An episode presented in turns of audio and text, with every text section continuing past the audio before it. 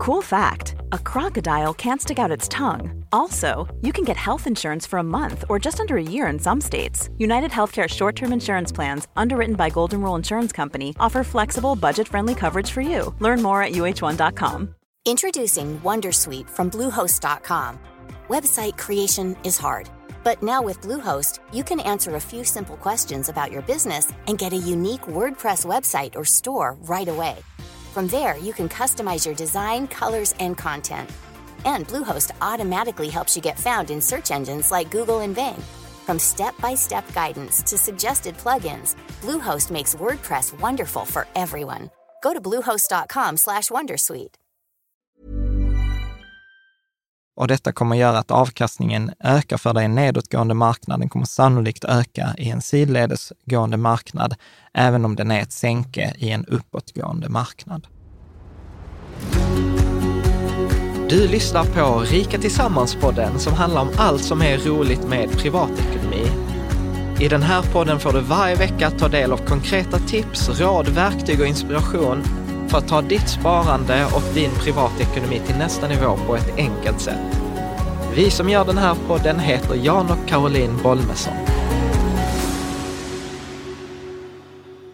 Idag är det dags för avsnitt 136 och det handlar ju om ombalansering 2020. Mm.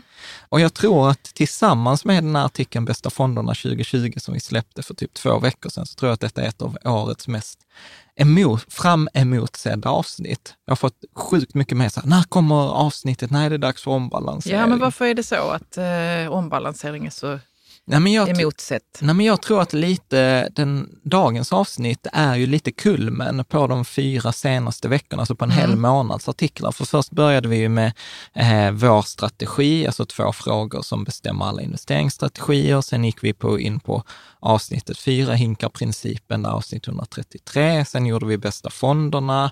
Sen gjorde vi hur gick fonderna 2019? Och sen använder vi idag liksom all den summan av alla de avsnitten till att faktiskt göra portföljerna, göra laguppställningen för i år. Ja. Så att det är lite som, vi har, har vi haft liksom en spel, liksom en laguppställning på plan i över ett år och nu är det dags att liksom titta vilka ska fortsätta spela, vilka ska vi byta ut? Ja, men typ som ett depåstopp eller som en, liksom en omstart. Ja. Så att jag tror att det är så här som man säger liksom på bröllop, man ska ha något gammalt och man ska ha något nytt. Eh, Man ska ha något blått. Ja, något blått skippar vi idag, men, Ja. eh, men eh, bra. Så att det är lite dagens, eh, dagens avsnitt faktiskt. Att vi kommer att prata om vikten av ombalansering. Varför är detta viktigt med att ha den här omstarten? Mm. Ehm, och, eh, och det är dessutom också ett bra tillfälle att hoppa på från start. Ja, hur då menar du? Om man är ny eller Ja. om man liksom... Precis, och att om man är ny och vill köra våra modellportföljer. Och vi kommer Mm. att prata om också att urskilja någonting som inte var tydligt förra året när vi gjorde detta i avsnitt 83 tror jag. Och det är ju att vi ska prata om ombalansering mellan och inom hinkarna Ja. faktiskt. Vad sa Eh, du att vi inte hade gjort det förra Nej, året? då pratar vi Nej. bara om ombalansering inom liksom den enskilda portföljen, medan nu Mm. tittar vi på helheten. Så att det blir lite, lite olika zoomnivåer, Ja. kan, kan man säga. Mm. Eh, och sen så redan från början ska jag säga så att är det så att du använder en fondrobot, som till exempel Lysa, som vi är förtjusta i, då behöver du knappt göra någonting. Alltså för då behöver du börja ombalansering me, liksom mellan portföljerna, men inte inom, för det sköter Lysa. Så då kan man skippa den andra hälften Men du får ändå berätta avsnittet. sen hur man gör det där. Absolut. Alltså man går in på Lysa och man gör så, si Nej, men så. på sen man, så, man behöver inte göra man någonting. behöver inte göra någonting. Ja, okej. Ja, Okej, ja, man visst. behöver inte göra någonting. Så att, men vi kommer Bra, in på då är det. det tydligt nu. Ja. Eh, och sen så kommer vi ge nya versionen då av nybörjarportföljen för 2020, globala barnportföljen, då som är bra för barn eller pensionssparande. Sen har vi en ny portfölj till, till familjen som heter Detta är, en, det, det är ju en revelation här, för, eller vad ska man säga? Det är en uppenbarelse. en överraskning för mig. Jag visste inte detta. Alltså, jo, nej men jag, Och den heter då Försiktiga portföljen. Ja, Jag trodde vi redan vi var försiktiga. Ja, men detta är sånt som under förra året så kom det upp så här frågor, men hur ska jag göra om jag sparar på ett till tre års sikt eller om jag har ett Ja, målsparande? Och vi har liksom inte riktigt haft något alternativ då, så att då kommer... Eh, en- Kommer den också. Ja. Mm. Och sen har vi naturligtvis eh, vår äldsta portfölj, Rika Tillsammans-portföljen. Eh, Ja. Så att det kommer vi också ge förslag på både nya fonder, ny fördelning och eh, lite så hur man kan tänka. Och eh, ett, en ledtråd är att det, det är förenklingar, det är mycket förenklingar, så förhoppningsvis är det mycket lättare än vad det, är förra, vad det var vårt Mm. föregående år. Mm. Men jag tänker att precis som vanligt innan vi kör igång så lite sådana här liksom villkor eller viktigt att veta. Och så är det ju så som vanligt att avsnittet är inte sponsrat, men vi nämner då både Avanza, Nordnet och Lysa eftersom det är där man har sina portföljer. Det är svårt att göra detta utan någon av de Mm. tre leverantörerna. Men ingen av dem har sponsrat, de vet inte ens vad som, att detta avsnittet kommer. Mm. Och sen är också det viktigt att eh, man inte ser detta som personlig eller finansiell rådgivning, utan man ska se detta som en allmän och subjektiv information. För det är dessutom så att vi har en specifik investeringsstrategi som bygger på vissa antaganden, som att det inte går att förutsäga marknaden, som att det inte går att hitta felvärderade bolag. Alltså det Ja. vi pratar om i, tror det är avsnitt 131 eller något Mm. sånt, två frågor som bestämmer alla investeringsstrategier. Sen är det också så här att många av de här portföljerna är byggda på historisk avkastning, hur de har betett sig och, och liksom hur de funkar mot index. Och bara för att något har funkat historiskt så är det inte en garanti för att det funkar i framtiden. Så att där är en risk med all, alla former av sparande. Och att sparar man i de här portföljerna så kan man det både öka och minska eh, i värde. Mm. Och det kommer handla mycket om sannolikheter. Vi kommer inte prata sannolikheter idag, men jag, har, jag håller på att förbereda ett, ett kommande avsnitt där vi kommer prata om eh, sannolikhet, för jag hittade ett så sjukt bra citat som vi inte riktigt ska fördjupa oss i Du ska idag. inte avslöja det nu. Ja, men jag kan avslöja citatet, men, Ja. jag kan, men, men liksom inte förvecklingarna, för vi kan prata en Mm. timme om det citatet. Och det handlar om att eh, man kan inte utvärdera huruvida ett beslut var bra eller dåligt baserat på utkomsten av det. Är det citatet? Ja. Mm. Eh, så man kan inte utvärdera huruvida ett beslut var bra eller dåligt utifrån vad som Utkomsten händer, av det. utkomstresultatet av det. Jättespännande ju. Ja. Det kan vi säkert prata mer Det kan vi prata Mm. om en hel timme om. Bra. Och, och sen precis som vanligt, vi har sammanställt den här informationen från Morningstar, Financial Times, Nordnet, Avanza från massor av olika källor, massor av olika studier. Och vi har be, bedömt dem som tillförlitliga, men man, vi kan ju inte garantera tredjeparts eh, liksom källor. Mm. Eh, bra. Vill man veta mer så kan man läsa riketillsammans.se. Punkt. Ja. Bra. Men då går vi in i själva avsnittet nu då. Ja, precis. Och också i, i, innan vi kör igång, detta är ju ett specifikt avsnitt som egentligen handlar, är mest relevant för dig som använder någon av våra modellportföljer, inte för dig som använder en fondrobot. Och vår rekommendation kvarstår ju från förra året, att för majoriteten av alla småsparare så är det bättre att använda en, en fondrobot än att göra de här modellportföljerna. För att man slipper liksom hela det manuella arbetet, Eh, Man slipper liksom vänta på att kommer Jan göra detta eller inte och så vidare. Så att det är betydligt bättre. Och då kan man liksom fördjupa sig i avsnitt 99, då komma Mm. igång med sitt sparande. Mm. Sen är det, vet jag också att det är många som argumenterar, men är det verkligen värt med en fondrobot? Man betalar ändå 0,1 procent mer än vad man hade behövt betala. Och då har vi inte ett avsnitt för att det är nörderi på hög nivå, men vi har skrivit en artikel på bloggen som heter så här, vad är bäst? Lysa, Avanza, global eller eget sparande? Där vi liksom bryter, bryter, Bryter ner. ner det. Ja, Mm. precis. Bra, så att jag tänker egentligen de enda anledningarna till att använda egen portfölj istället för fondrobot, alltså de tillfällen man inte ska använda en fondrobot, det är ju såklart om man inte tror på fondrobotens investeringsfilosofi. Att man tror att man kan hitta undervärderade bolag eller att man tror, eller felvärderade bolag, eller man tror att man kan tajma marknaden. För fondrobotarna förutsätter att du inte kan tajma marknaden, att du inte kan hitta felvärderade bolag. Men kan det inte också vara så att man gillar att hålla på Ex- och, och pyssla med det själv? Exakt. Och det är väl också helt okej? Ja, absolut, om man har en intresse eller hobby. Men jag kommer också göra ett avsnitt här om några veckor. Jag har sjukt många bra avsnitt planerade. Det. Ja, det tar liksom inte slut på ämnen kan jag säga. Nej, men att eh, om man ser sitt sparande som en hobby, så bör man se det som att precis som alla andra hobbys kostar det en pengar. Ja. Alla hobbys kostar pengar, även aktiesparande. Och då kommer vän av ordning säga så här, nej men jag tjänar ju faktiskt pengar. Och på det sättet kan jag säga, ja det är bättre att hålla på med aktiesparande med en häst. Liksom, Om man vill tjäna pengar? om man vill tjäna pengar. Ja. Du, liksom, men du behöver ändå se kostnaden för ditt, din hobby aktiesparande, inte i form av att du förlorar pengar kanske, men i form av att du kunde haft en högre avkastning än vad du egentligen får. För alla studier visar på att vi är sämre än liksom, Mm. genomsnittet. Pratar vi om i förra avsnittet 135 Mm. eh, också lite. Sen finns det ju vissa pensionssparande då det inte funkar att ha, eh, ha fondrobot, då funkar de här portföljerna bra. Och sen finns det ju andra tillfällen då det inte går, till exempel om man vill ha Rika Tillsammans-portföljen eller något sådant. Men annars funkar det alltid. Mm. Och vill man använda en fondrobot får man gärna använda vår sponsrade länk. Det är Det det som gör det möjligt att vi kan ha de här avsnitten både reklamfria och gratis och öppna Mm. eh, för alla. Och det finns i anslutning till avsnittet. Bra. Så att jag tänker om vi tar syft... Ja. Ja. vi kör igång. Ja. Jag Ja, ska bara men- säga att jag har fått feedback då att jag avbryter dig, att det är väldigt oartigt.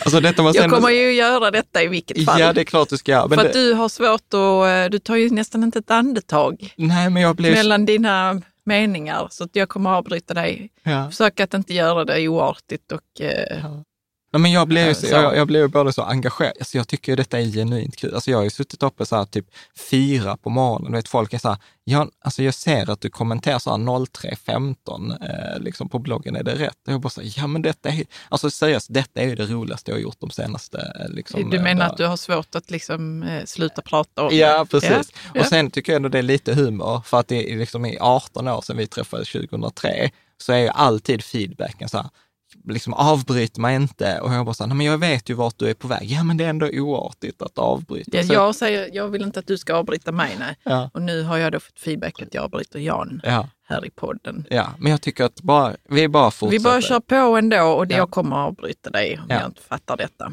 Men vi börjar. Ja, med- alltså, jag tycker vi redan är igång. Ja, vi är redan igång. Syftet med ombalansering Ja, går vi in på nu. Ja, nej men syftet, vi har ju valt en passiv investeringsstrategi Mm. och, och det betyder ju så här att vi tror inte att man kan hitta felvärderade bolag och vi tror inte att man är bättre än genomsnittet på börsen och att det är en oschysst tävling. Att liksom i alla andra sporter, så till exempel i golf så har man handikapp, så, eh, eller i fotboll så spelar division 7-lag mot division 7-lag. De möter inte lag från Champions League. Nej. På börsen så finns det inte olika divisioner, utan alla spelar mot alla. Och jag påstår att vi småsparare inte har en chans. Och vi, vi kan inte heller liksom eh, förutsäga marknadssvängningar. Och eh, då har vi liksom valt en strategi som handlar om att den är passiv, man gör ingenting under liksom större delen av året. Vi kommer att ändra i portföljerna nu, sen kommer vi inte göra någonting förrän januari nästa år. Ja, men, men med det menar vi att man inte gör någonting. Det är att man inte går in och ändrar liksom sitt innehav på till Nej. exempel då Avanza eller Nej. Pillar med Eller sin... ser nyheterna, oh nu hände någonting i Iran, Ja. nu måste vi byta något. Ja, och det gör eller går vi. på liksom massa tips och sånt där. Utan Nej. det är så, man, man tror på sin strategi och ändrar inte under året Nej, precis. eh, vad som än händer nästan. Ja, nej, jag Mm. brukar säga att enda gången man ska ändra sin strategi, då målet ändras. ja. Annars låter man det vara. Och detta då medför att man behöver liksom en gång per år se över balansen mellan portföljerna i helheten. Alltså Mm. mellan Det de... låter väldigt diffust. Ja, men vi, vi kommer exempel på det. Men detta är egentligen fyra hinkar-principen. Det är att se att ligger jag rätt i risk i min totala ekonomi? Mm. Det vill säga, eh, för att det vi rekommenderar alla är att ha ett, ett, en buffert, ett mellanrisksparande, ett högrisksparande och sen ett leksparande. Mm. Eller hur? Mm. Och då behöver vi liksom se till att vi har rätt, rätt balans mellan bufferten, mellanriskhinken, högriskhinken och leken. Det är det jag menar mellan portföljerna. Mm. Och alla de här tre portföljerna kan man ha på då Lysa till Ja. exempel. Och sen är ju då nästa steg då att balansera om inom portföljerna. Så när vi då har hittat, ja men nu har vi rätt mängd pengar i de olika hinkarna, då måste vi titta i respektive hink och se att fördelningen är rätt inom hinkarna. Mm. Så att det är fördelning mellan hinkar och inom hinkarna. Men Det är lite förvirrande ändå. Jag, jag börjar nästan tänka i, i banor som att en hink motsvarar en portfölj. så. Men det är Ja, inte... men så, är, så kan det vara. Så kan- så kan det vara. Så, och så, Så är det bra. När det är, när det är så, så är det bra. Då har man gjort det enkelt och inte komplicerat. Okej, men hur är det när det är komplicerat? Då har man flera portföljer i samma hink. Ja, Vilket, men det kan man väl... eh, vilket jag tenderar att ha.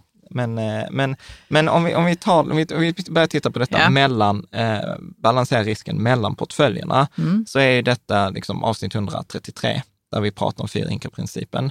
Och då handlar det om, jag ska inte köra hela det avsnittet, men eh, den första hinken är ju bufferten, det är ju det låg eller lågrisksparandet. Mm. Och lågrisksparandet, det har ju tidshorisont 0 till 3 år. Det ska vara låg avkastning, låg risk.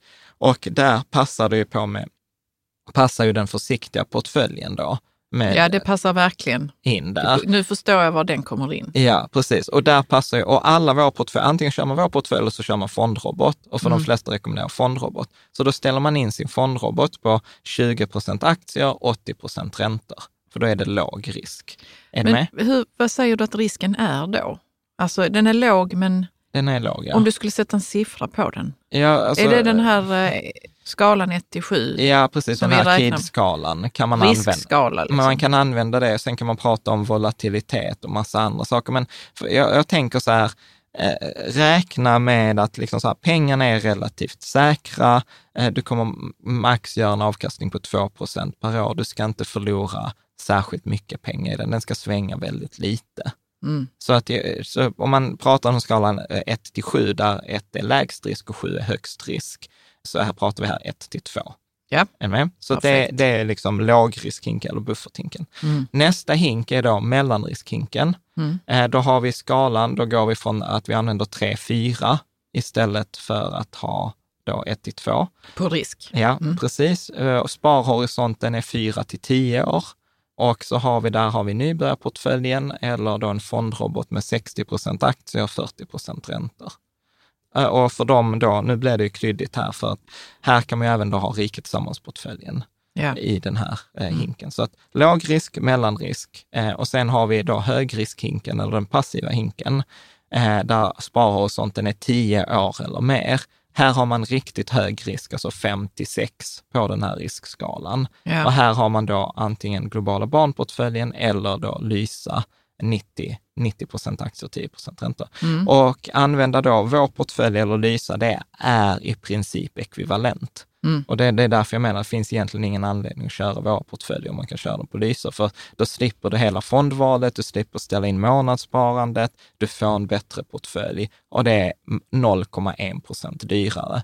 Så att det, det, du, du sparar en hundralapp per investerad hundratusen kronor. Det går framförallt snabbt och lätt. Det, det, är, klart, det är klart på 20 minuter mm. jämfört med detta kommer ändå ta en timme eller två att Att ställa in på ja. någon annanstans. Ja. Så, att, så att det som skiljer de här olika portföljerna åt, det är egentligen tidshorisonten. Mm. Och ju längre tidshorisont, desto högre risk kan vi ta.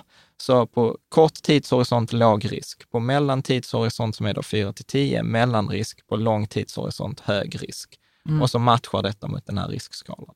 Does it make sense? Ja, absolut. Men hur kommer det sig att du eh, har eh, flera portföljer i samma hink? Alltså ja. är det för att... Nej, men för lys, om vi tar till exempel fondroboten och mm. den egna, de, våra portföljer, de är ekvivalenta. Mm. Så att det är egentligen bara, antingen så kör man Lysa eller så kör man våra portföljer eller så kör man båda. Man kan är det för att som... du ska se liksom att de är ekvivalenta som du kör? Nej, Nej. men det, är, det finns ju till exempel så här i tjänstepension, då kan du inte använda Lysa. Nej. Ja, men då vill jag ha så nära Lysa som möjligt. Mm. Eller, och när jag säger Lysa så är det inte som att Lysa har någon fantastisk strategi, men Lysa har, har samma filosofi som vi som ligger och handlar om att kom så nära forskningen som möjligt.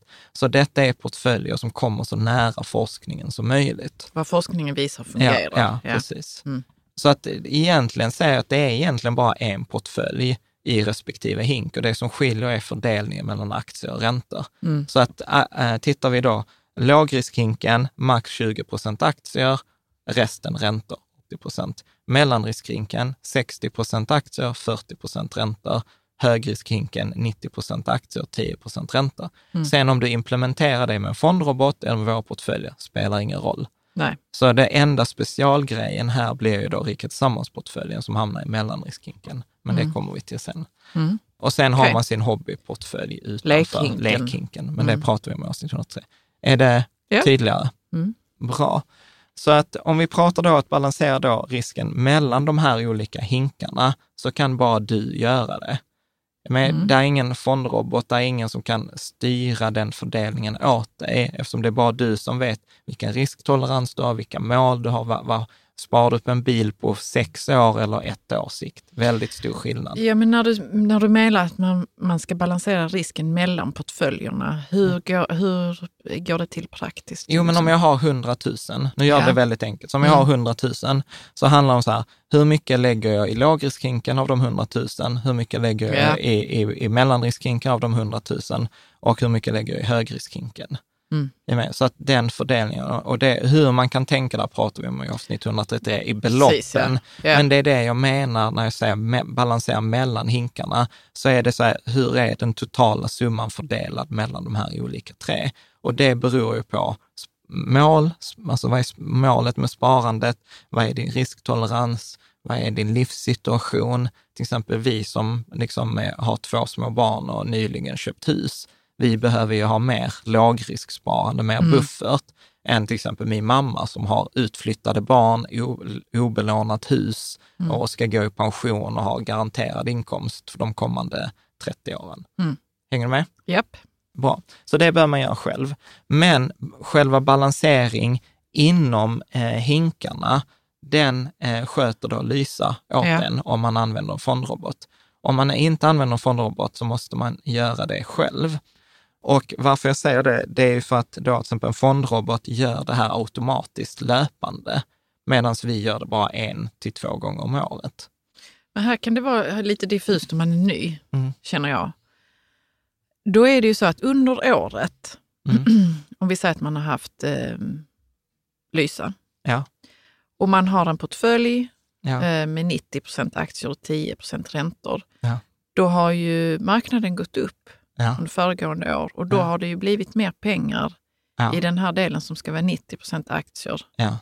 Så då har den liksom tagit över portföljen lite. Det är det som har hänt och det är därför man måste balansera om så att det återigen är 90% aktier och 10 ränta. Ja, precis. Alltså jag har faktiskt förberett ett exempel från förra, Ja, jättebra. ja, från förra året, eh, där jag börjar på en eh, 60-40-portfölj, alltså mellanriskhinken och en, liksom så här, där jag jämför då Länsförsäkringar Global eh, Index, som är min favoritfond. Mm. Den gick ju upp 33,9 procent förra året. Mm. Och sen jämför jag med Spiltan Räntefond Sverige. Så jag, jag gjorde bara ett enkelt exempel. Vi, Ja. hade, ja, liksom, vi började med, med 100 000 eh, kronor i, i, i de här och så fördelade vi 60 000 i Länsförsäkringarfonden och 40 000 i Spiltanfonden. Och det var första januari. Men sen eftersom den eh, har Länsförsäkringsfonden gått upp 33 procent och län, eh, Spiltanfonden har bara gått upp 2 procent, Mm. så visa, så har jag en graf på bloggen, eller du som tittar på YouTube kan se denna här, där Länsförsäkringarfonden puttar undan Spiltanfonden. Så vi ser i slutet av året, då 31 december, då har andelen Länsförsäkringar vuxit från 60 till 66 procent och Länsförsäkringar har då krympt från 40 till 33,7 Mm. procent. Mm.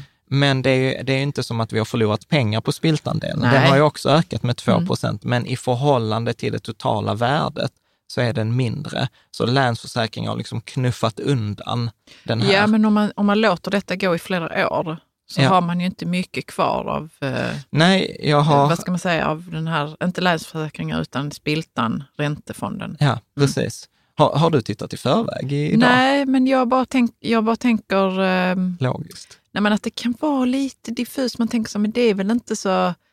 Eller jag tycker det är diffust. Min Ja. hjärna vill inte riktigt fatta detta konceptet på något vis. Ja. Så jag måste tänka så, hur skulle det vara om det gick flera år och man inte ombalanserade? Ja, men jag har en bild på det. Det var faktiskt. jättebra. Ja, men kul att vi har tänkt lika. Jag har inte tittat i förväg, men nu har vi hållit på ett tag tillsammans här. Ja, ja, precis. Nej, men jag tog ett exempel, för detta var ju bara 12 månaders basis. Det var bara Och vi 12 så- månader, Och vi ja. såg ändå en ganska stor undanknuffning. Mm. Eh, liksom. Så att jag tog ett exempel från eh, då 1980 till 2019, för det är typ så gammal, jag, är- jag är 81. Så då börjar vi på 60-40, men jag har inte eh, liksom historik för Länsförsäkringar till 1980, så jag har gått på svenska börsen versus eh, svenska statsskuldväxlar. Mm. Så att det är som en svensk räntefond och en svensk aktiefond. Eh, Och då börjar vi på 60-40 och i en bästa av världar så hade det bara varit 60-40 1980 och 60-40 2019. Men eftersom vi har den här glidningen där aktier tenderar att öka mer värde så knuffar den undan då räntefonderna. Och så här ser det ut. Du som tittar på YouTube kan se det, men eh, för den som bara lyssnar så kan du säga, hur, hur, om det var 60-40 i början, hur var det i slutet av 2019? Ja, då är det 98,4 procent aktier Ja, och 1, och 1,6 procent aktier. Eller Ja, förlåt, ja, räntor. räntor. Ja. Ja. Så att vi har gått från 60-40 fördelning 1980 Mm. till 98,4 eh, versus 1,6. Ja. Och då plötsligt, om vi då pratar med hinkarna, kan du se att då har det som egentligen förr var i mellanriskhinken, har plötsligt bara så här, oh, glidit, glidit över över till- till högriskhinken. Ja. Och det vill man ju inte om jag liksom tittar på min he- helhet och vill att den ska ha en balans. Mm. Så vill jag ju inte att en portfölj bara så här, oh, titta, jag var mellanriskhink och nu plötsligt är jag högriskhink. Mm. Eh, så att det vill man liksom eh, undvika. Så vad man vill göra är ju då ombalansera inom portföljen så att man håller sig runt de här 60 procenten. Så här har jag också då på bloggen gjort en bild eh, som du som tittar kan se ju denna, där jag ombalanserar i slutet av året. Och då blir det liksom, det blir inte en rak linje runt 60 procent, men det blir liksom hackigt och håller sig där i, i genomsnitt. Yeah. Och på det sättet så, liksom, eh, för det kan ju också vara år då aktierna går ner i värde och då säljer man räntefonder och köper aktier så att man kan dessutom liksom öka liksom, avkastningen. Ja. Men ökar man avkastningen med ombalansering egentligen? Nej, alltså ombalansering är ju inte ett sätt att maximera avkastningen. Alltså en 100% aktieportfölj kommer över en lång tidsperiod ge den bästa avkastningen. Så vill man tjäna mest pengar, ja då ska man ha mest aktier. Men sen handlar det om, som han Paul Merriman sa, som vi hade i ett tidigare avsnitt, att om du vill behålla de pengarna du tjänar på aktier så behöver du ju räntefonder. Så jag har gjort här en jämförelse då från 1980 eh, fr- fram till 2019 och sett, så vad blir då liksom, summorna eh, om man hade då eh, liksom investerat i de här olika med ombalansering, utan ombalansering, Ja. 100 aktier. Och då visar ju det sig helt klart att eh, 100% aktier ger ju den högsta avkastningen på nästan 15,2 procent per år. Och eh, 100 000 går från, eh, och nitt- 100 000 1980 blev nästan 25 miljoner för 40 år sedan. Alltså det är så sjukt mycket pengar. Mm. Eh, sen är det inflation och massa andra sådana saker. Men det är väl 15,2 procent per år. Om man kör då en 60-40 utan ombalansering, ja då blir det 13,8. Mm. Det blir nästan, eftersom det blev så mycket aktier i slutet, så det var egentligen nästan en 100 procent aktieportfölj. Ja. Om vi ombalanserade, ja då är det 9,8 procent per år. Mm.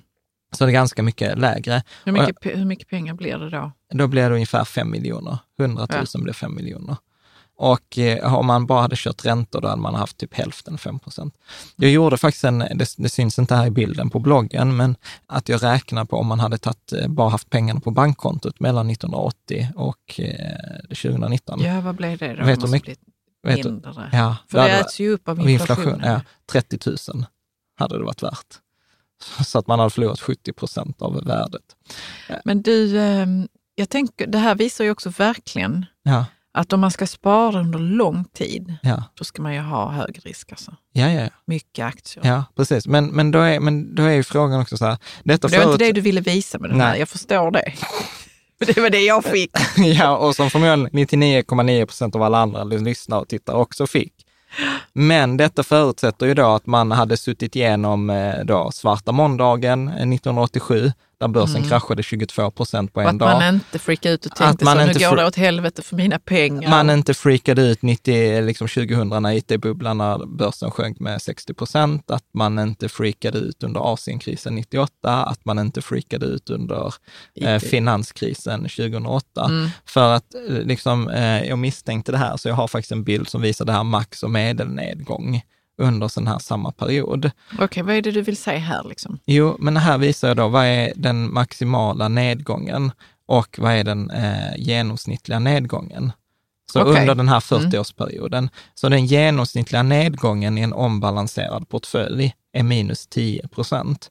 Medan om vi inte har en ombalanserad, alltså vi kör till exempel 100 procent aktier, då är den minus 20 i genomsnitt. Så nedgången är dubbelt så stor Mm. en genomsnittlig nedgång. Och tittar vi på maximala nedgången, så en 60-40-portfölj kommer max under den här 40-årsperioden som sämst gått back 30 procent. eh, 32 procent, medan en 100 procent aktieportfölj har backat över 50 procent. Mm. Så att eh, va, detta är ju så här, ja, du får en lägre avkastning till bekostnad på en eh, lägre, eller till, med vinsten av ett lägre risk. Mm. Och, har du en lägre risk så är sannolikheten större att du håller dig vid din strategi, vilket ökar sannolikheten för att du kommer tjäna mer, mer pengar över tid. Men svar ja, vill du, är du helt säker på att du inte kommer skicka ut, är du helt säker på att du kommer ha 100 eh, procent aktier och du har upplevt en eller två börskrascher, ja men då ska ju man ju ha 100 procent aktier. Men då Mm. behöver man ju leva med att den kommer förlora 50 procent av sitt värde två gånger. Och eh, jag har ju mitt favoritexempel. Vi kan göra denna övningen lite kort, vi har gjort den innan. Men föreställ dig liksom att eh, du loggar in på ditt Avanza eller ett Nordnet-konto eller ett Lysa-konto och så ser alla pengarna du har där i dagsläget. Ja. Och så Mm. tänk det beloppet eller skriv ner det någonstans eller säg det högt för dig själv. Sen gör du så att du halverar det beloppet Mm. och så loggar du in och så ser du att det står halva det beloppet. Mm. Och så står det inte bara att det står halva beloppet, det står dessutom minus då eh, det du har förlorat. Är med? Hur känns det? Okej? Det känns ganska kasst. Det känns ganska kast. Och sen så tar du och halverar det en gång till. Mm. Är du med? Och loggar in på ditt konto och så titta nu hur, hur det känns. Sen halverar du det en gång till. Okej? Och så bara verkligen så här, se det framför dig, du loggar in på ditt konto, du ser nu att det är liksom, du har förlorat de här pengarna. Och sen förlorar du ytterligare 15 procent. Mm. Är du med? Mm. Och så nu loggar du in på ditt, din depå och så är det 10 procent av ursprungsbeloppet. Så hade du 2 miljoner så står det nu 200 000. Hade du 100 000 så har du nu 10 000 kronor på ditt konto. Hur ja, man känns ska inte det? ens logga in alltså. Nej. Och då kan man fråga här, men jag nu Det, överdriver. då är det väldigt svårt att tro att man ska liksom få en massa miljoner Ja. över lång tid. Man tänker så här, detta kommer aldrig att hämta sig. Nej, nej. Och detta exemplet som jag tar nu, nu har jag ju sagt cherrypickat, men jag har inte hittat på. Nej, jag Detta vet är- du inte har hittat på det. Jag det- vet att detta har hänt i Ja, verkligheten. detta, är, detta är toppen 1929 till botten 1931. Då hade vi nedgång på, jag tror det var 89,2 procent. Mm. Är med? Mm. Så att det har historiskt hänt. Eh, kommer det hända? Vet inte. Mer sannolikt är att vi kommer att se förluster på 50-60 procent. Men överväg det innan man väljer en 100 procent aktieportfölj. Då bör man vara medveten om det. Och dessutom ska man ju veta att historiskt sett så ligger vi på de högsta nivåerna någonsin. Så att, Det gör eh, vi inte alltid det. eh, inte alltid. Nej, inte inte, efter en alltid. Men det börskrasch. känns som att vi pratar hela tiden om att Ja, men ligger det- så himla Jo, högt. men det är för att vi har haft tio års uppgång. Alltså Mm. den här, vi har haft den längsta tioårsperiod, eller längsta perioden på väldigt, väldigt många decennier. Och vi har dessutom haft den med en väldigt låg risk. Så så som börsen har sett ut de, kommande, de senaste tio åren, så har det inte sett ut historiskt. Och det spelar roll när man börjar spara. Det är därför jag, roll. ja. det är därför jag liksom drar, till exempel i år har vi också nu sänkt andelen aktier i alla portföljerna på bekostnad av guld. Eller till vinst för guld. För att jag tycker ju att vi är väldigt högt värderade och det kommer spela roll.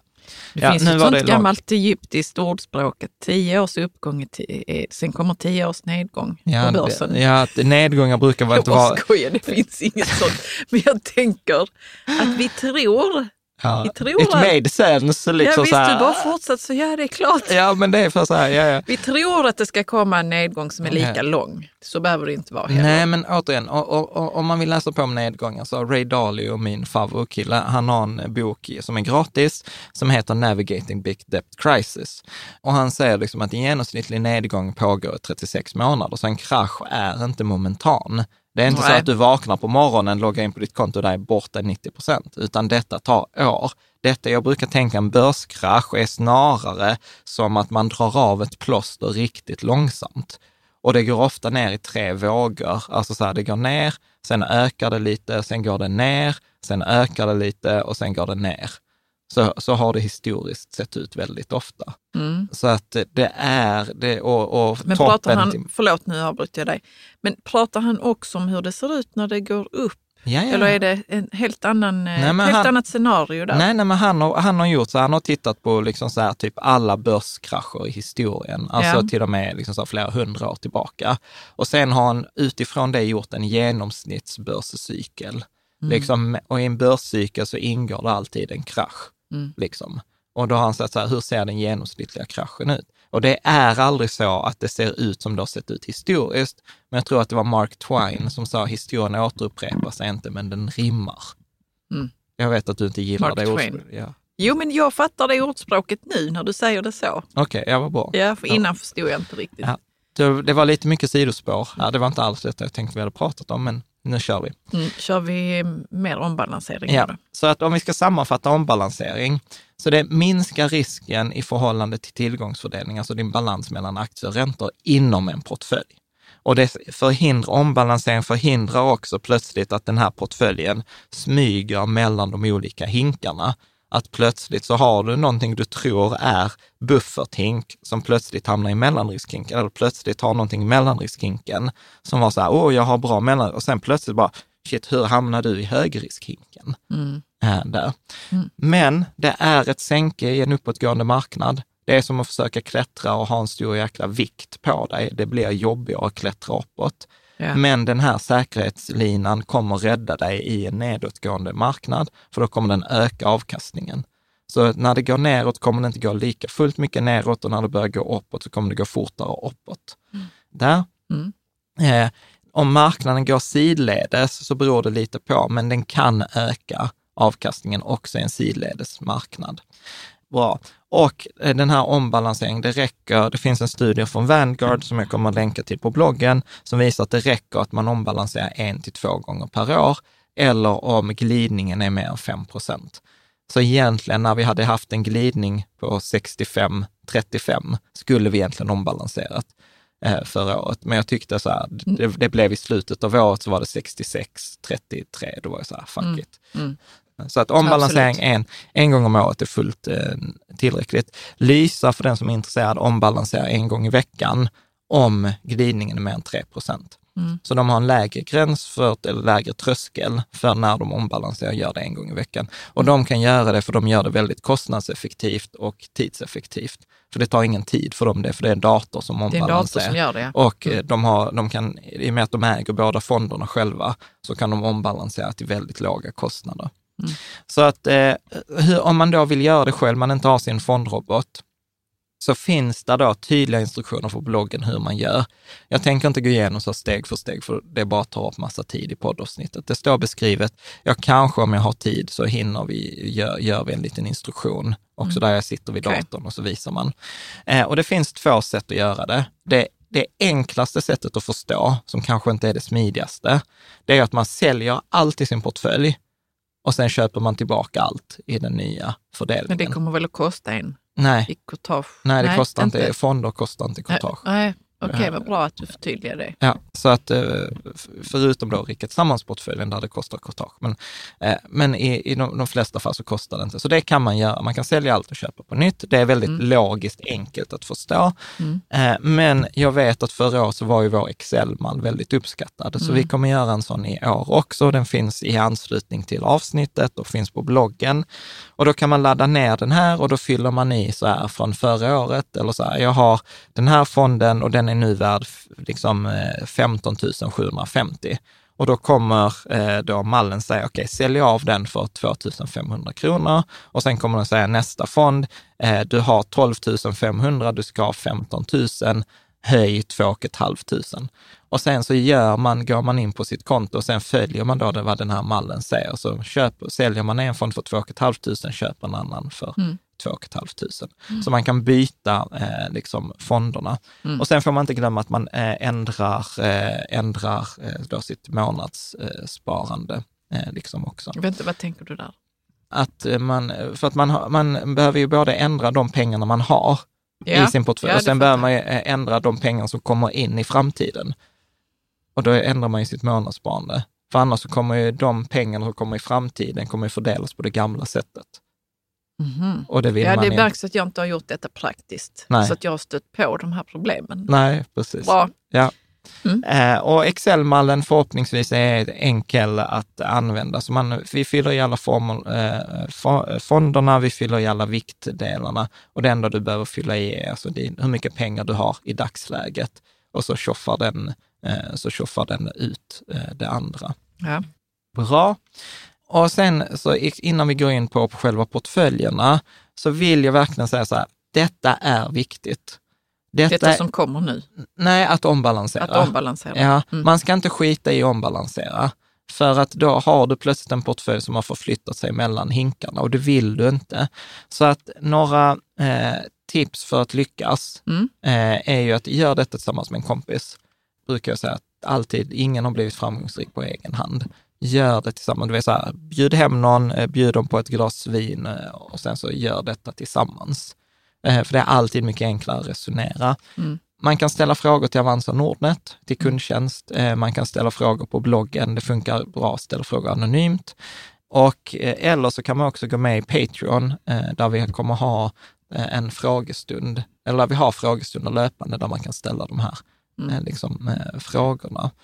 Och sen naturligtvis, vill du inte hålla på med de här ombalanseringarna, men skaffa den där fondroboten. Ja, som alltså, gör det åt dig. Som gör det åt dig. Då mm. skippar du dig själv eh, mycket, mycket eh, möda. möda. Mm. Precis. Bra, så att det är egentligen allt jag säger om ombalansering, eh, om teorin och konceptet. Verkar det förståeligt? Mm. Ja. Du skrattar åt mig. Jag skrattar inte, jag tycker det är förståeligt. Jag har ju frågat det jag inte fattade. Okej, okay, vad bra. Mm. Så att eh, jag tänker då om vi ska ta eh, förslagen på fonderna, så hur ja. ska det se ut när de kommer ur depån? Så detaljerade. Jag tänker istället för att rabbla upp fondlistor så sätter vi det i beskrivningen och vi länkar till bloggen där det finns liksom eh, hela fondlistorna. Så, så att jag tänker här mest egentligen bara gå igenom det övergripande. Ja. Ombalanseringslänken finns ju eh, och det kan hända att vi eh, gör marginella justeringar i de här eh, portföljerna. För det är nämligen så här att när vi spelar in poddavsnittet eller videon så är det väldigt svårt att ändra en video eller poddavsnitt i efterhand. På ja. Youtube får man inte ens lov att ändra en video i efterhand, mm. medan det är väldigt enkelt att ändra på bloggen. Så att jag hoppas eh, att jag inte har gjort någon eh, tabbe här i fonderna, eh, men då kan det hända att man gör någon liten justering. Förra året gjorde vi en liten justering, men det var högst marginellt. Eh, och jag kommer vara väldigt tydlig om det skulle behövas. Men också för att minska den risken så la jag faktiskt ut de här portföljerna redan i förra veckan, eh, redan tidigare i veckan, för att få feedback. För jag vet att det är sjukt många av er läsare och tittare och följlyssnare som är väldigt, väldigt duktiga. Mm, eh. Så att eh, jag, där eh, har jag fått ganska mycket feedback och gjort om, jag tror jag gjorde om fyra versioner baserat på den feedbacken som jag fick. Så att jag tänkte faktiskt göra en liten shout-out här till då bland annat Jack och Emil Wikström och Palle och Nestor och AEN, Tale, Per V, Christian, Lasse, Emanuel Johansson, Bo Wahlund, Andreas med flera. Jag har säkert missat någon här, men alltså personer som har kommenterat, kommit med feedback, kommit med förslag på andra fonder. GUS kommer jag på också, eh, var en och sån. Sen är det lite svårt när ni inte skriver liksom efternamn eller tydliga namn, men eh, så att jag hoppas att det är så här, eh, ingen glömd. Nej, jag, vi är tacksamma. Vi är, mm. Jag är sjukt tacksam för den feedbacken. Och också så är det ju många, till exempel Jack och Lasse, som är så här, hela tiden utmanar de här portföljerna. Kan man inte tänka så här, ska man inte bara ha en fond istället, men jag kör aktiva fonder. Så att det gör ju att jag behöver hålla mig på tå och mm. skärpa mig och hitta bra argument. Eh, och det märker ju liksom så här, eh, när jag tror det var Emil som skrev så här, ja, det var ju skönt att du tog ditt eh, förnuft till fånga och inte tog 25 procent Sverige utan tog 15 procent. Så att det, det, kräver ju att jag har bra argument. Absolut. Ja, mm, du bara, det, kan inte bara göra något utan att tänka efter. Nej, nej så att detta kommer ju alla till gagn. Så att mm. eh, stort, stort tack till, till er. Så att om vi tittar på förändringar ja. från förra året så är det mycket fokus på att göra det enklare i år, eh, vilket innebär bland annat färre fonder. Så förra året hade vi så tre varianter, en med fyra fonder, en med tio, en med 20 fonder och sånt. Och, och var det till gagn liksom för pengarna? Här frågar du Emil och Jack och de andra, så var så här, ja, vi fattade aldrig det där. Och Nej, men jag frågar, tjänar man mer pengar på det? Sannolikt inte. Nej, Nej men det är ju skitbra. Då finns det ju ja. många vinningar på detta. Ja, ja precis. Så att jag, jag, tror att det blir bättre. Faktiskt. Eh, jag har minskat eh, andelen mot Sverige eftersom det var det som många av er som är väldigt insatta hade en åsikt. Bara så här, hur tänkte du där? Från 28 till 15 procent. Från 28, jag har halverat mängden eh, Ja. exponering mot Sverige. Eh, jag kommer, vi kommer att prata om det, för det är väl en av de som, alltså, frågorna man kan ställa sig är vad är en rimlig andel? Men jag tänker att vi tar det i slutet. Vi har minskat exponering mot Asien marginellt, håller den på 15 procent. Vi har ökat guldet från 5 till 10 procent och, och tagit bort eh, motsvarande andel aktier och försökt förbättra räntedelarna i portföljerna. Och sen har vi faktiskt gjort en omräknad 100% aktieportfölj också. Så att om man hade haft 100% aktier, hur hade den portföljen sett ut? Ja, Eh, spännande. Ja, så att detta är väl de stora förändringarna i, i år. Och eh, sen har vi då gjort en 100% aktieportfölj. Inte för att vi rekommenderar den eller kommer ens kommer ha den som modellportfölj, men det blir enklare att räkna statistik.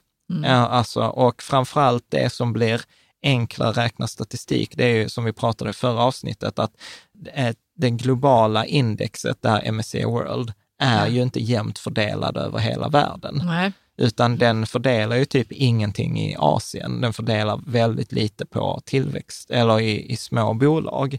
Så på det sättet, genom att ha den här 100% aktieportföljen, så får vi med Sverige, vi får med tillväxtmarknader och vi får med småbolag. Och eh, jag har liksom inte chansat när jag har sagt att till exempel Länsförsäkringar tillväxtmarknad ska vara 12,5 procent. Utan där är en tanke kring varför fördelningen ser ut just som den gör. Eh, Och det kan man kolla på på bloggen, så jag kommer inte läsa upp eh, liksom, fonderna, tänker jag. Är det okej? Ja. Tittar vi på nybörjarportföljen Mm. så har vi redan pratat om att den är ju till för eh, mellanriskhinken. Och målet här var ju att göra en portfölj som eh, på den här skalan 1 till 7 ska ligga i mitten på 3,5, alltså mellanrisk. Ja. Så, absolut. ja, så att den hamnade på 3,8, vilket jag tycker jag är ganska nöjd med. Mm. Sparhorisonten är ju då 4 till 10 år och tillgångsfördelningen är då 50 procent aktier, så 50 procent risk som mellan, eh, 40 procent räntor, 10 procent guld. Ja. Och det, man kan förvänta sig ungefär 4,5 procent om året i avkastning. avkastning. Mm. Mm. Precis. Och, och detta är ju liksom en klassisk balanserad portfölj. Detta är typ som norska oljefonden har en väldigt lik fördelning. De har inget guld utan de har fastigheter. Heter inte de något annat egentligen? I- Jag tror den heter Statens eh, pensionsfond. Ja, eller ja något något sånt ja. Ja.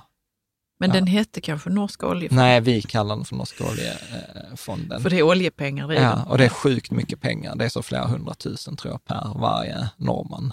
Ja. Eh, Ja. Det var ju någon som skämtade med mig och sa, Jan, du vet, så här, vi i Sverige, du vet, vi borde anfalla Norge. Och med tanke på hur dåligt försvar vi har i Sverige så kommer Norge anfalla tillbaka och så ockupera Sverige och så blir vi normen och plötsligt så blir vi flera hundratusen rikare per svensk. Jag var så här, där finns vissa Fast luckor matten i det. där är väl inte helt och hållet... eh, Alltså det är så mycket som är fel med jag det tänker att vi resonemanget. är ju inte 10 miljoner här så Ja. helt plötsligt så är pengarna räcker inte så att alla ska få Ja, men 100 Sver- 000 var Nej, av nej, Norska oljefondens pengar. Nej, och, och svenska. Skitsamma, det var bara, jag tyckte bara men det, var, kul. det var roligt ja, för det var en sån krigs, krigssituation ja, det var som, ju, som man skulle vända på något Ja. vis. Att det skulle vara till för... Skitsamma, vi lämnar det nu. Det var Ja. inte ens roligt. Den här, det, ja vi klipper nog bort det. I alla fall, det kommer, den här portföljen kommer gå bättre än index i dåliga tider Ja. och den kommer gå sämre i bra tider. Kom ihåg detta med sänke. Det är inte 100% aktier, alltså är det att sänke. Mm. Eh, väljer man då fondrobot, ja då ställer man in 60% aktier och 40% räntor eller 50-50. Det gör man som man Men vill. inget guld i Lysa? Nej, Lysa har inget guld. Så Nej. antingen får man lägga det separat eller skippa det om man kör Ja. fondrobot. Och det har vi pratat om i ett annat avsnitt. Ja, Precis. Mm. Eh, så att eh, om, om man analyserar hela den här portföljen, då finns det liksom förslag precis på fonder. Eh, och jag tror att denna består av typ nio fonder. Jag tror förra året var det betydligt fler. Och vi har försökt ha då exponering då mot, lite mot Sverige, Asien, småbolag i aktiedelen. I räntedelen har vi korta räntefonder, långa räntefonder, globala räntefonder, högräntefonder. Alltså så att vi har försökt sprida det bra. Och sen har vi 10 procent eh, guld. Räknar vi på avgiften så ligger den på 0,32. Väljer man en fondrobot så betalar man 0,39. Så att så här, marginell skillnad, alltså 70 Mm. kronor per 100 000 investerat. Eh, Risken, KID-risken 3,8 av 7. Så att Mm. jag tycker det är ganska då, eh, rimligt. Ja, jag vet inte om vi ska säga så mycket. Har du täckt in alla typer av räntefonder? Nej. Nej, okej. Jag tänkte så att det där låter som att alla ska med. Liksom. Men det ja, är inte där riktigt finns, så. där finns ytterligare tre, fyra räntefonder. I den första versionen som jag hade på bloggen så hade jag sju räntefonder Sju olika typer av räntefonder och till slut så nöjde jag mig med fem. Eh, så jag plockade bort två. Eh, Man behöver inte ha... Nej, det var, men det var ju som fråga, jag tror det var där från Björn eller från Christian, så här, är det verkligen nödvändigt med alla dessa räntefonder? Och Får jag bara fråga, varför ville du ha med alla dem? Var det för att du tycker det är roligt med dem eller helt, du tänkte så att men det kan vara bra? två, när jag tittade på det så var det från två håll. Eh, Det ena var att eh, jag benchmarkade mot Lysa, som jag tycker har en väldigt bra portfölj. Det andra är att jag tycker att eh, man ska ha med alla typer för att försöka täcka in allt. Och den tredje, kanske viktigaste, är att jag tycker att räntefonder är jättesvårt. För att aktier är på sätt och vis väldigt enkelt. En aktie behöver man egentligen bara ta hänsyn till liksom så här, bolaget. Alltså så här, stort bolag, var befinner sig bolaget? Räntefonder, då har du både eh, vilken typ det är, sen har du vilken valuta det räntefonden är, för det spelar väldigt stor roll om det är en utländsk eller svensk valuta, för det kan vara mycket väl så att valutan påverkar värdet mycket mer än själva räntefonden. Till exempel förra året hade vi ju eh, 6 procents värdeökning på US-dollarn. Eh, eller 6, eh, sex, ja men precis, försvagning av svenska kronor med 6 procent. Så hade du en utländsk räntefond som förändrade sig 1 procent i värde, ja då fick du 6 procents extra förändring i den på grund av valutan. Och sen har du dessutom att, ja men säg att vi väljer en räntefond som tar svenska statspapper. Ja, då räcker det inte med svenska statspapper, för det är en väldigt stor skillnad på svenska statspapper på ett års sikt eller tio års sikt. Ja. Är med? Mm. För det är ju längre tidshorisont, det är som ett vanligt lån. Ju längre du lånar ut lånet på, desto mer ränta vill du ju ha för att Mm. kompensera för tidsrisken. Så att jag tycker ju räntefonder är jättesvårt eh, och det verkar som de flesta läsare tycker också det är svårt för att jag får alltid minst feedback på räntefonderna. Så Men vem är bäst på räntefonder egentligen? Om du bara skulle spekulera i... jag har förmodligen en räntefondsförvaltare, men jag har inte lyckats få någon till. Men eh, jag tänkte på- om det skulle vara kul att prata med någon som Ja, jag ska kan försöka. förenkla det för Ja, dig. Liksom. ja, jag, ska, jag ska försöka, eller till till exempel någon från, eh, från Lysa eller Mm. någon annan. Mm. Ja. Eh, Klurigt, klurigt, eh, men eh, det, jag, så här, jag är nöjd. Detta är så här, bästa jag kunde. Är det någon som är sjukt insatt i räntefonder så får ni gärna titta och ge feedback eh, på det här. Och sen är det 10 procent guld. Mm. Ska vi ta globala barnportföljen? Ja, precis. Så globala barnportföljen, den är, passar ju då i högriskhinken eller den passiva hinken. Och här har vi då ökat risken till 5 av 7 så att det är fortfarande inte maxrisk, eh, men, eh, men ganska mycket. Det gör ju att tidshorisonten behöver ju vara tio år eller mer för att ha höga sannolikheter för att det ska gå plus. Tillgångsfördelningen blir då 80 procent aktier, 10 procent räntor, 10 procent guld och den förväntade avkastningen är ungefär 7 procent eh, per, per år. Så att eh, liksom över tid kommer detta ge mest avkastning, hög risk, hög avkastning och därmed passar det bra för till exempel om man har små barn som man som man kan, sparar till? ja, Mm. precis. Eller Eller om man har, har sin pension? Nej, pension, jo. pension ja. Pensionssparande passar det utmärkt till. Men som vi var inne på innan, denna kommer förlora minus 50 procent två gånger på en 15-årsperiod. Så att den är ju väldigt lätt att göra dumma misstag i. Om man är inne och, och och pill- pillar i den. Ja, eller får panik. Väljer man fondrobot så kör man antingen 80-20 eller 90-10, alltså 90 procent aktier, 10 procent eh, räntor Mm. eh, där. Och eh, tittar vi på fördelning här, totala avgiften är typ 0,27. Återigen jämfört med Lysa, eh, då fondrobot, så är denna 0,12 procent eh, eh, billigare, alltså 120 kronor per 100 000 investerat. Så jag tycker Ja. motiverar inte att göra billighetsgrejen. Samma sak här, samma fördelning på svenska, eller på basen är 55 procent i global fond, Länsförsäkringen global.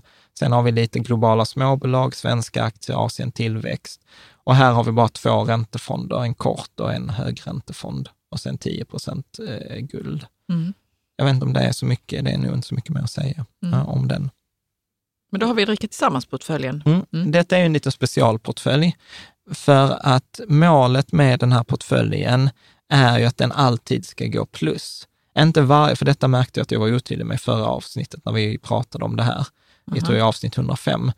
Det är inte som att den ska gå plus varje dag. Den ska gå plus varje år. Mm. På årsbasis ska den gå plus. Jag tror sedan 1970 har den bara gått back fem år. Mm. Vilket är, så att här slipper man de stora nedgångarna, Mm. vilket är det som är nice. Eh, risken eh, här är samma som innan, 3,8 av 7. Eh, så, så det är samma risknivå som nybörjarportföljen. Vilket jag tyckte var ganska intressant faktiskt. Men vet, är det här mellanriskhinken? Ja, den ska ligga i mellanriskhinken. Så Och, den, och globala barnportföljen var, var högriskhinken. högriskhinken? Ja. Nybörjarportföljen var mellanriskhinken.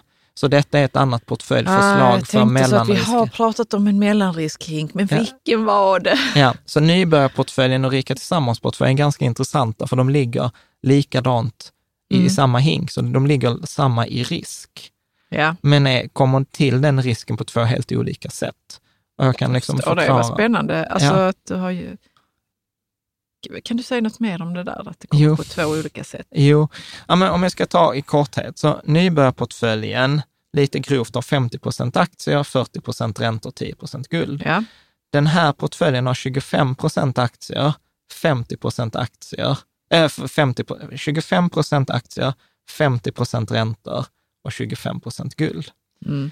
Men denna har räntefonder med vissa räntefonder som har en extremt hög risk. Mm. Alltså den, där är räntefonder som har samma risk som aktier.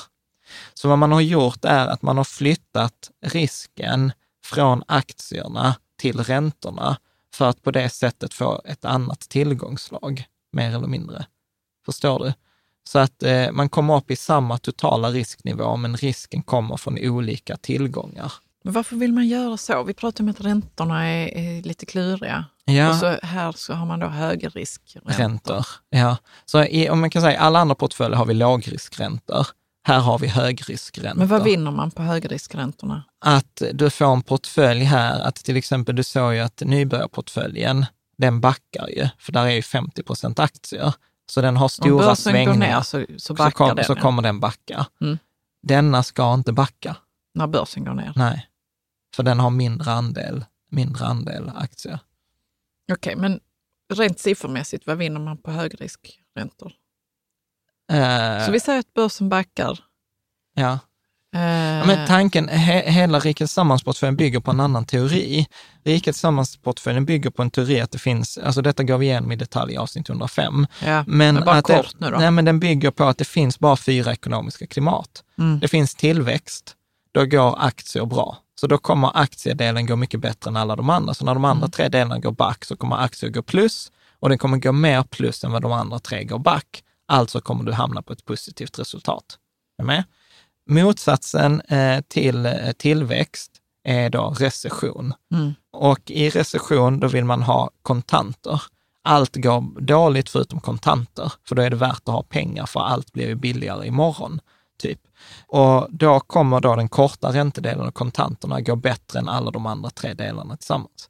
Så då har du tillväxt eller inte tillväxt, det är de två motsatta. Sen har du inflation. Pengar minskar i värdet, det är som man hade i Tyskland på 30-talet eller Venezuela förra året, att pengarna blir värdelösa. Ja, I en sådan situation blir ju guld väldigt mycket värt. Det är för guldet bevarar sitt värde. Liksom. Och då kommer guldet gå bättre än alla de andra tre delarna. Hänger du med? Eh, Och sen motsatsen till inflation är deflation. Och deflation är när pengar ökar i värde. Och när du har pengar som ökar i värde, då vill du ha pengar utlånade till andra. För det betyder, har, har, äger du, liksom, att har du lånat ut dina pengar så kommer andra behöva betala tillbaka mer än vad de har lånat till dig. Mm. Och då är en, en lång räntefond bra, det kallas för deflation. Mm. Så man har fyra delar som är bra i olika klimat. Mm. Medan den teorin bygger inte alls nybörjarportföljen på, utan Nej, den precis. säger så här, ha liksom 50 procent aktier, 40 procent räntor för att balansera av räntorna som krockkudde mot aktierna. Mm. Med? Så på detta Mm. sättet är Rikt Tillsammans en mycket mer komplicerad portfölj. Ja, Men vi har vinst- pratat om det innan, att den Ja. verkar så enkel, men den är inte Den det. är väldigt komplicerad på, liksom i teorin bakom och detta är den jag har lagt mest tid på. Mm. Vinsten med denna, och, men jag tycker inte att man ska ersätta nybörjarportfölj, man kan ha de två.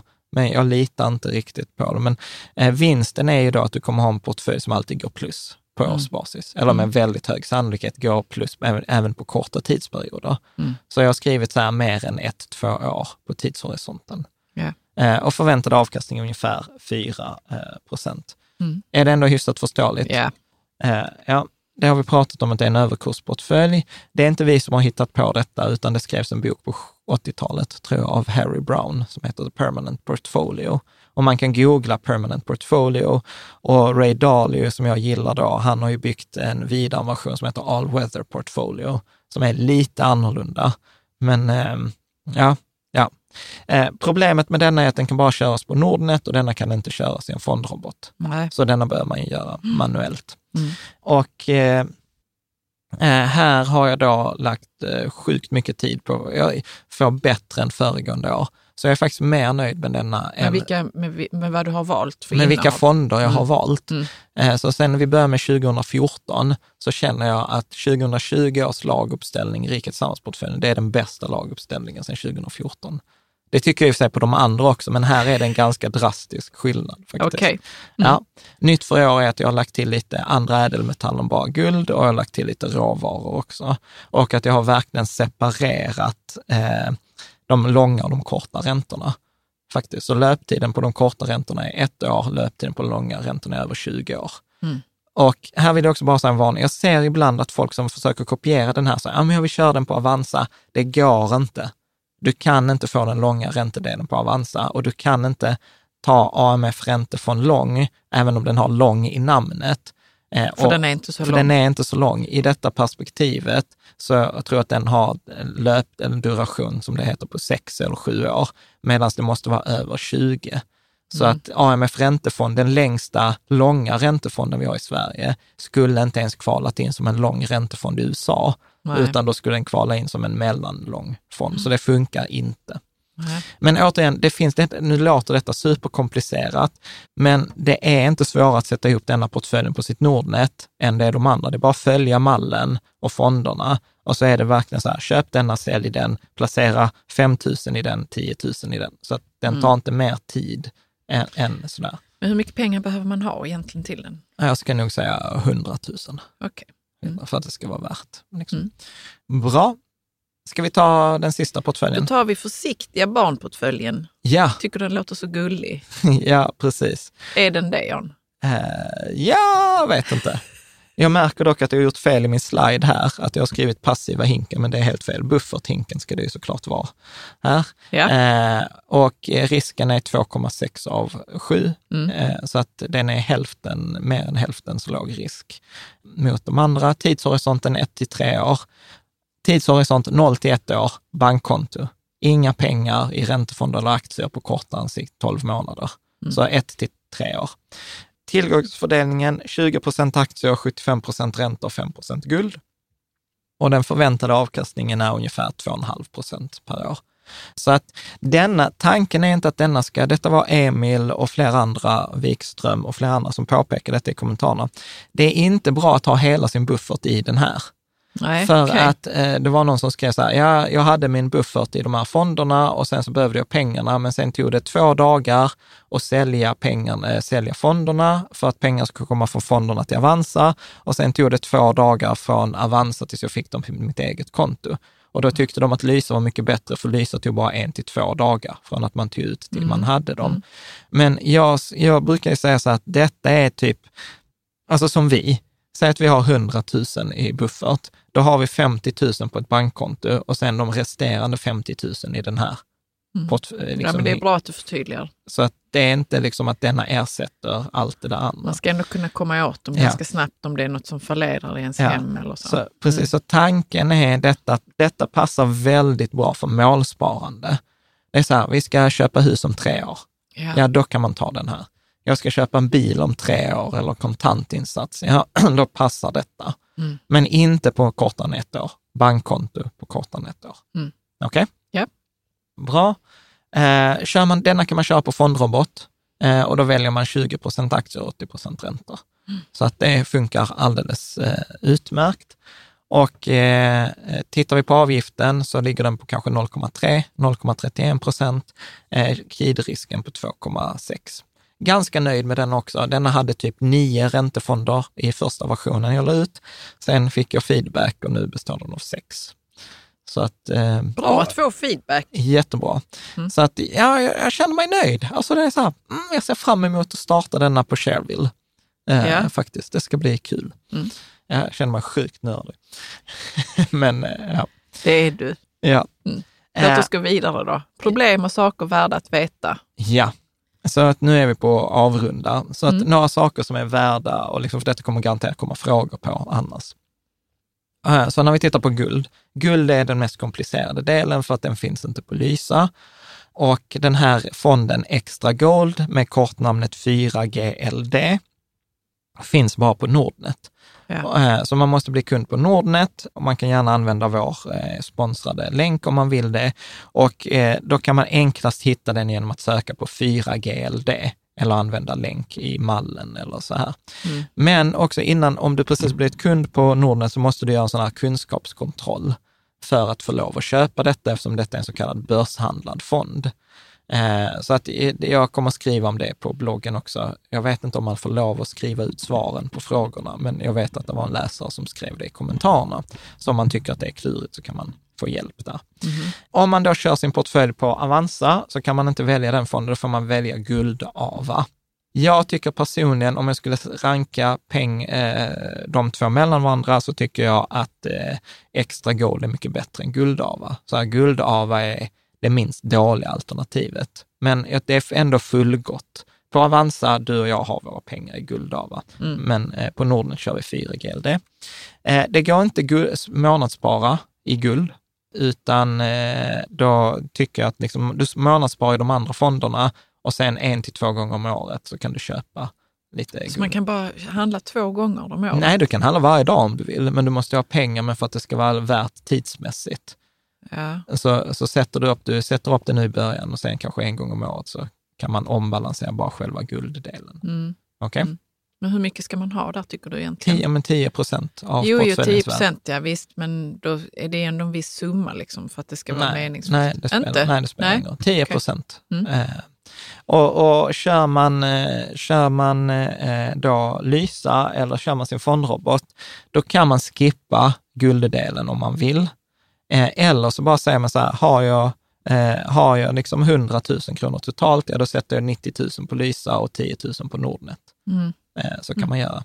Men det, det är som sagt, den går att skippa. Välj då i så fall, eller placera de 10 procenten i räntor eller i aktier beroende på risktolerans. Känner du dig eh, modig, lägg dem i aktier. Vill du vara lite försiktig, lägg dem i räntor. Om man kör Avanza så kan man byta ut fonden Länsförsäkringar tillväxtmarknad mot Avanza Emerging Markets. Den är lite billigare och i princip samma. Eh, så jag vet att det är en sån kommentar som kommer komma, så det kan man göra. Jag rekommenderar däremot inte att byta Avanza Global mot Länsförsäkringar, till, äh, mot länsförsäkringar Global. För att det har vi pratat om i sådana nördavsnitt, beskattningen är högre i Avanza Global som gör att Länsförsäkringen Global faktiskt blir billigare. Ja. Och då har jag en läsare, AEN, som har räknat på detta och visat att skillnaden är faktiskt ganska eh, över 1, 0,1 procent. Så att de blir ekvivalenta, så du har inte så mycket vinst. Mm. Eh, Vill man vara sån här att nej, men jag vill, man vill göra sin egen grej, ja men sätt, vi har ändå 50 procent i, i globalfonderna, ja men sätt 25 procent i global, Avanza Global och 25 procent i, i Länsförsäkringen. Bra. Eh, Känns det förståeligt vad de här grejerna handlar om? Ja. En Rika Tillsammans-portföljen, den går bara att köra på Nordnet, går inte att köra på Avanza. Har du en Rika Tillsammans-portfölj på Avanza, eh, sälj av allting, för du har garanterat gjort fel. Det går inte att ha Men en Rika har, om man har Tillsammans-portfölj. försökt göra den på Avanza, vad har man? Ja, men du har inte Då de långa räntefonderna. Nej, och då förlorar den Ja, sitt... då är det inte en Rika. Tillsammans-portfölj, då är det något annat. Eh, Och det kan man väl få ha kvar, men då är det inte en Rika Tillsammans-portfölj. Och, det, och just det, just det, när de balanserar så kommer det också ta ett par dagar, så det kommer inte bli helt exakt. Så bara så här, ja men eh, det stod 2000 och 2000 och 2000, men det blev 2200, 1800 och 2000. Det spelar ingen roll. Det är okej. Eh, Det kommer aldrig bli exakt. Och på samma sätt, månadssparande kan också bli oexakt. Att, eh, jag har tio fonder, Mm. men jag ska månadsspara 500 spänn. Ja. Ja, och då är det vissa fonder som inte tillåter månadssparande på 50 kronor, utan man måste ha 100 kronor. Ja, men då blir det oexakt och då brukar jag säga gå på de största fonderna. Skippa de minsta fonderna, då gå på den största. Du kan alltid månadsspara i den här Länsförsäkringen. Jag tror det går från 50 kronor. Mm. Eh, Nice. Bra. Det som är, vad är det man skriver i vetenskapliga studier? Så här, detta är vad vi är osäkra på eller detta är osäkerhetskällor eller vad är det man gör? Gör Alltså man, man är ju generellt väldigt försiktig med att säga vad man, inte kan? är, ja, vad, vad man tror och, och sådär. Okej, Man har ju en discussion-del, där kan man skriva sina spekulationer. I, Men- men, inte, men man är försiktig, Jan. Okej, ja, men jag har, det är två grejer som jag är osäker på. Ja. Eh, och som jag inte har riktigt hittat få något svar under de senaste åren. Så det är inte så, och jag satt förra veckan och inte hittade ett svar. Det ena diskussionen är, hur mycket ska man exponera mot Sverige? Alltså hur mycket, tittar man globalt så står Sverige för 0,8 procent av den totala mm, världsmarknaden. Och då kan man argumentera för att det borde vara 0,8 procent som globalfonden ger. Ja. Sen kan man argumentera för att vi bor i Sverige, vi har svensk lön, vi har utgifter i svenska kronor, vi är påverkade av svenska ekonomin, det svenska samhället, alltså ska du ha mer. Och tumregeln brukar någonstans vara mellan 10 och 20 procent. Jag har valt eh, 15 procent, mitt emellan den tumregeln. Men om någon frågar mig så här, varför då? Jag har inget bra svar och jag har, in, jag har inte hittat någon studie. Alla studier som är så här eh, om home bias, som detta kallas då på engelska, är ju liksom för amerikanska eh, investerare som säger köp utländska aktier. Men jag har inte hittat någon studie i Sverige, alltså hur mycket andel man ska ha i Sverige. Så att det där är en sån oklar Ja, grej. det finns inte heller bloggartiklar från Nej, eh, stora institut. Nej, Nej. så att jag har gått, eh, jag har gått på den här klassiska tumregeln 10 till 20 procent. Eh, Men vem har sagt den? Ja, men till exempel i, det är, jag vet inte vem har sagt det, det är bara sånt som lever i, i, i Det finansvärlden. är ju helt sjukt. Ja, men det är därför Här jag... sitter vi Ja, och pratar. Ja, det är bra. Vi pratar om det som är jävligt osäkert. ja. För, för som sagt, om det är du som liksom li- tittar och lyssnar som har sett någon studie, så ta gärna emot det, för detta är någonting jag inte har hittat. Så varför jag har gått på 10 till 20? Jo, det är till exempel vad Lysa också har kommit fram till. Det är, jag vet, jag har faktiskt inte kollat på Sjunde AP-fonden. Det borde ska Nej, skriva de- i har- kommentarerna mm, hur de har, det. hur de har Mm. tänkt. Men, men detta är i alla fall en sån. Vissa av mina läsare tycker så här, skippa Sverige, typ då är det Gus och Emil Wikström och massa andra som tycker det. Och sen är det vissa som tycker annat. Det som kan motivera en högre andel, men då lämnar vi lite forskning och spekulation, det är ju att Sverige tenderar en högre avkastning och högre risk. Är det därför vi hade 28 procent i det innan? Nej, det var pinsamt nog en felräkning. Ja, okej. Ja, Ja. men då. Ja, att jag tänkte, jag hade otur när jag tänkte. Mm. Men det är korrigerat nu. Att, att den delen ökar risken. För Sverigefonder har normalt en högre risk än globala fonder. Så vi ökar risken, drar upp avkastningen lite. Så det kan vara en motivering till att ha det. Och väger jag samman alla de här, då kände jag så här, 15 procent är bra. Vi kunde haft 10 också, men då, ja, det blev 15. Mm. Okej. Mm. Och sen det andra som vi har varit inne på, jag tycker räntefonderna är klurigt. Så där är också en sån här osäkerhetsfaktor. Men jag är tillräckligt trygg i att det är bättre än det har varit föregående år och att vi själva placerar mycket pengar i, i det här. Så att jag, jag satsar, vi satsar ju våra egna pengar på de här laguppställningarna. Eh, och, och det är mer, det är sjusiffriga belopp. Liksom. Det är roligt att du säger att du är osäker på dem, men vi, sätt, vi sätter ändå mycket pengar i det. Förlåt att jag... eh, Ja men osäker, jag det är inte nej, meningen jag, att dra ner byxorna här nu. ja, Det är det inte, men det måste ju finnas en logik i vad man ja, gör. Ja, Liksom. men så här, återigen, kom du ihåg att, eh, att när vi pratade om den här eh, pyramiden, 80 procent av avkastningen ges- av tillgångslaget, 15 procent ges av fondtypen, 5 procent ges ja, av ja, fonden. absolut. Ja, det är rätt till 80 procent. Det jag är osäker på är de där 15 procenten i fondtypen. Är med? Så att det är inte som att detta påverkar portföljen jättemycket, Nej. utan liksom, vi har valt och målat med liksom den, den stora penseln. Det är liksom den här lilla penseln som fyller i luckorna som jag är osäker på. Så nej, jag är inte dum i huvudet. Men, men jag tycker ändå det är viktigt att, att påpeka, liksom att, så att det jag är osäker på är så här, inte om vi ska ha 40 procent räntor i portföljen, utan är det så här, ska det vara 20 procent spiltan räntefond kort och 10 procent långa? Ja, är eller är det 15 procent korta detta. och 15 procent långa? Mm. Det är där osäkerheten Mm. ligger. Och jag tycker att det är bättre att man säger vad man inte vet, än att liksom eh, vara så här, nej men de här sakerna är jag helt säker på, de här sakerna är jag lite mindre säker på. Okej? Ja. Bra. Så, eh, så om vi ska sammanfatta slutsats, eller min egen reflektion, är ju att när detta är gjort så behöver man inte göra någonting på de kommande 12 månaderna. Liksom. Så att vi kommer inte göra någonting, eh, utan vi kommer månadsspara och, och, och sen kommer den här, detta artikeln om exakt ett år igen i Ja. slutet av januari Mm. 2021.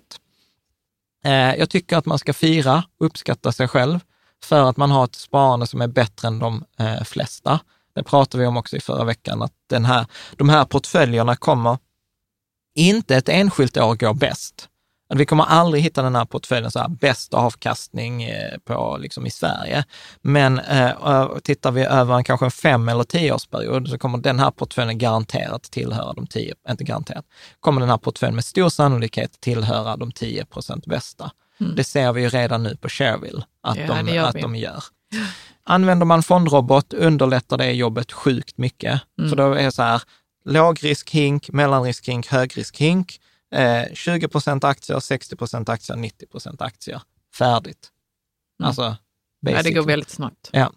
Eh, jag är faktiskt, om man får säga så, jag är väldigt nöjd med de här portföljerna.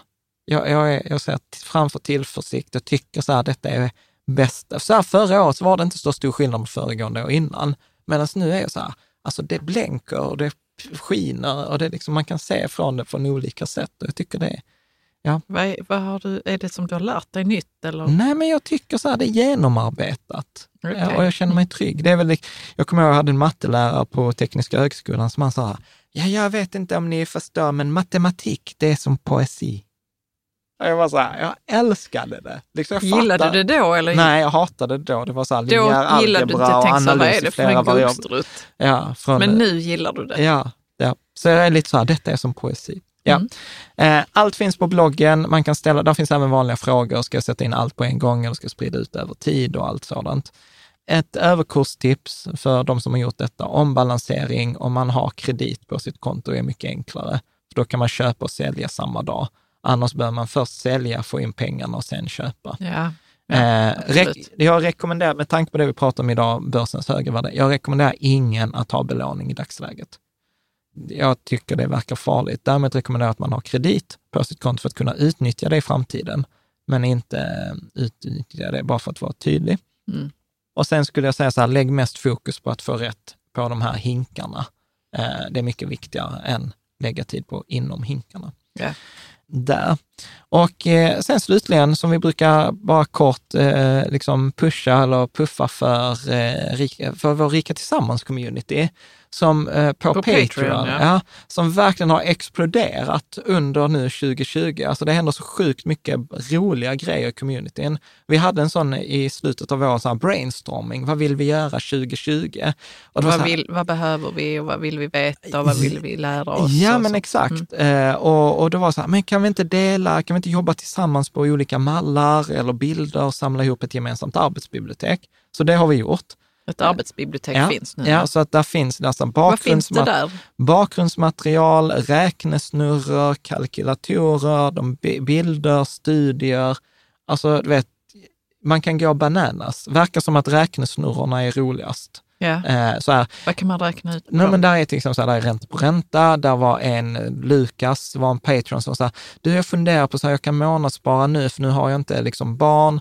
Så jag tänker, hur blir det om jag månadssparar mycket nu och månadsspara mindre sen? Eller om jag månadsspara jämnt över lång tid? Ja, så vill man se hur det, hur det, vilken- slår. Och så han där, wow, detta visste jag inte att det blev så. Detta ska jag verkligen använda i, min, i mitt sparande.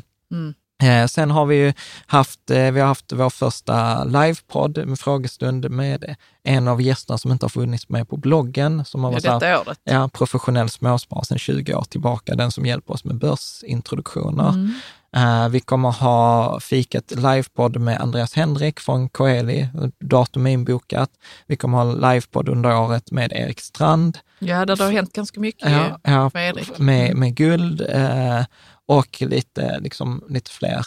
Eh, ja, det- det händer sjukt Kommer det nya aktörer tror du? Ja, det kommer med? säkert. Och sen Mm. kommer vi ha fika tillsammans på riktigt, att vi ska träffas. Eh, Ja. Vi hade till och med några Patreons som träffades. Som var så- Utan oss? Utan oss. Och det var så här, jag fick ett mejl så här på fredag kväll. Bara, äh, ja, jag och någon till tänkte träffas imorgon. Vill du komma? Jag bara, gärna, men jag kan inte på så kort varsel. Men de hade haft det skittrevligt. De var så här, ja, vi träffades och pratade om indexfonder. Normalt så blir man idiotförklarad.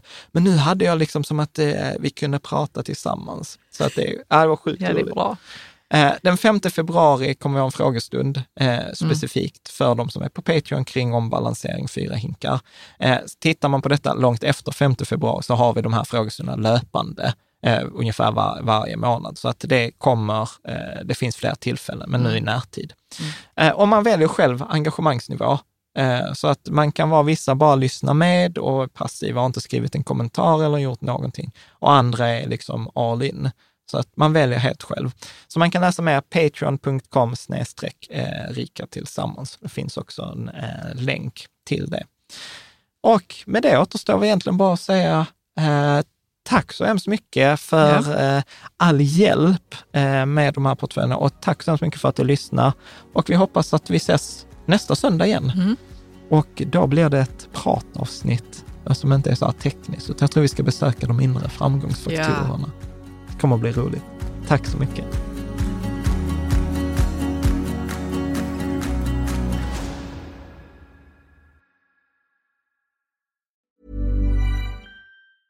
Hi, I'm Dori Shafrir, And I'm Kate Spencer. and we are the hosts of Forever 35. And today we're talking about Club Med, the best all inclusive getaway for families. Today, Club Med has nearly 70 resorts worldwide, from beachside resorts in the Caribbean and Mexico to magical locations in the Maldives and Morocco to ski resorts in the mountains from Canada to the Alps. Between their all inclusive family programming, wellness offerings, land and water sports, and their French heritage inspired food and drink offerings, Club Med is the best way to elevate your family getaway, no matter which location you're at. To learn more, visit clubmed.us.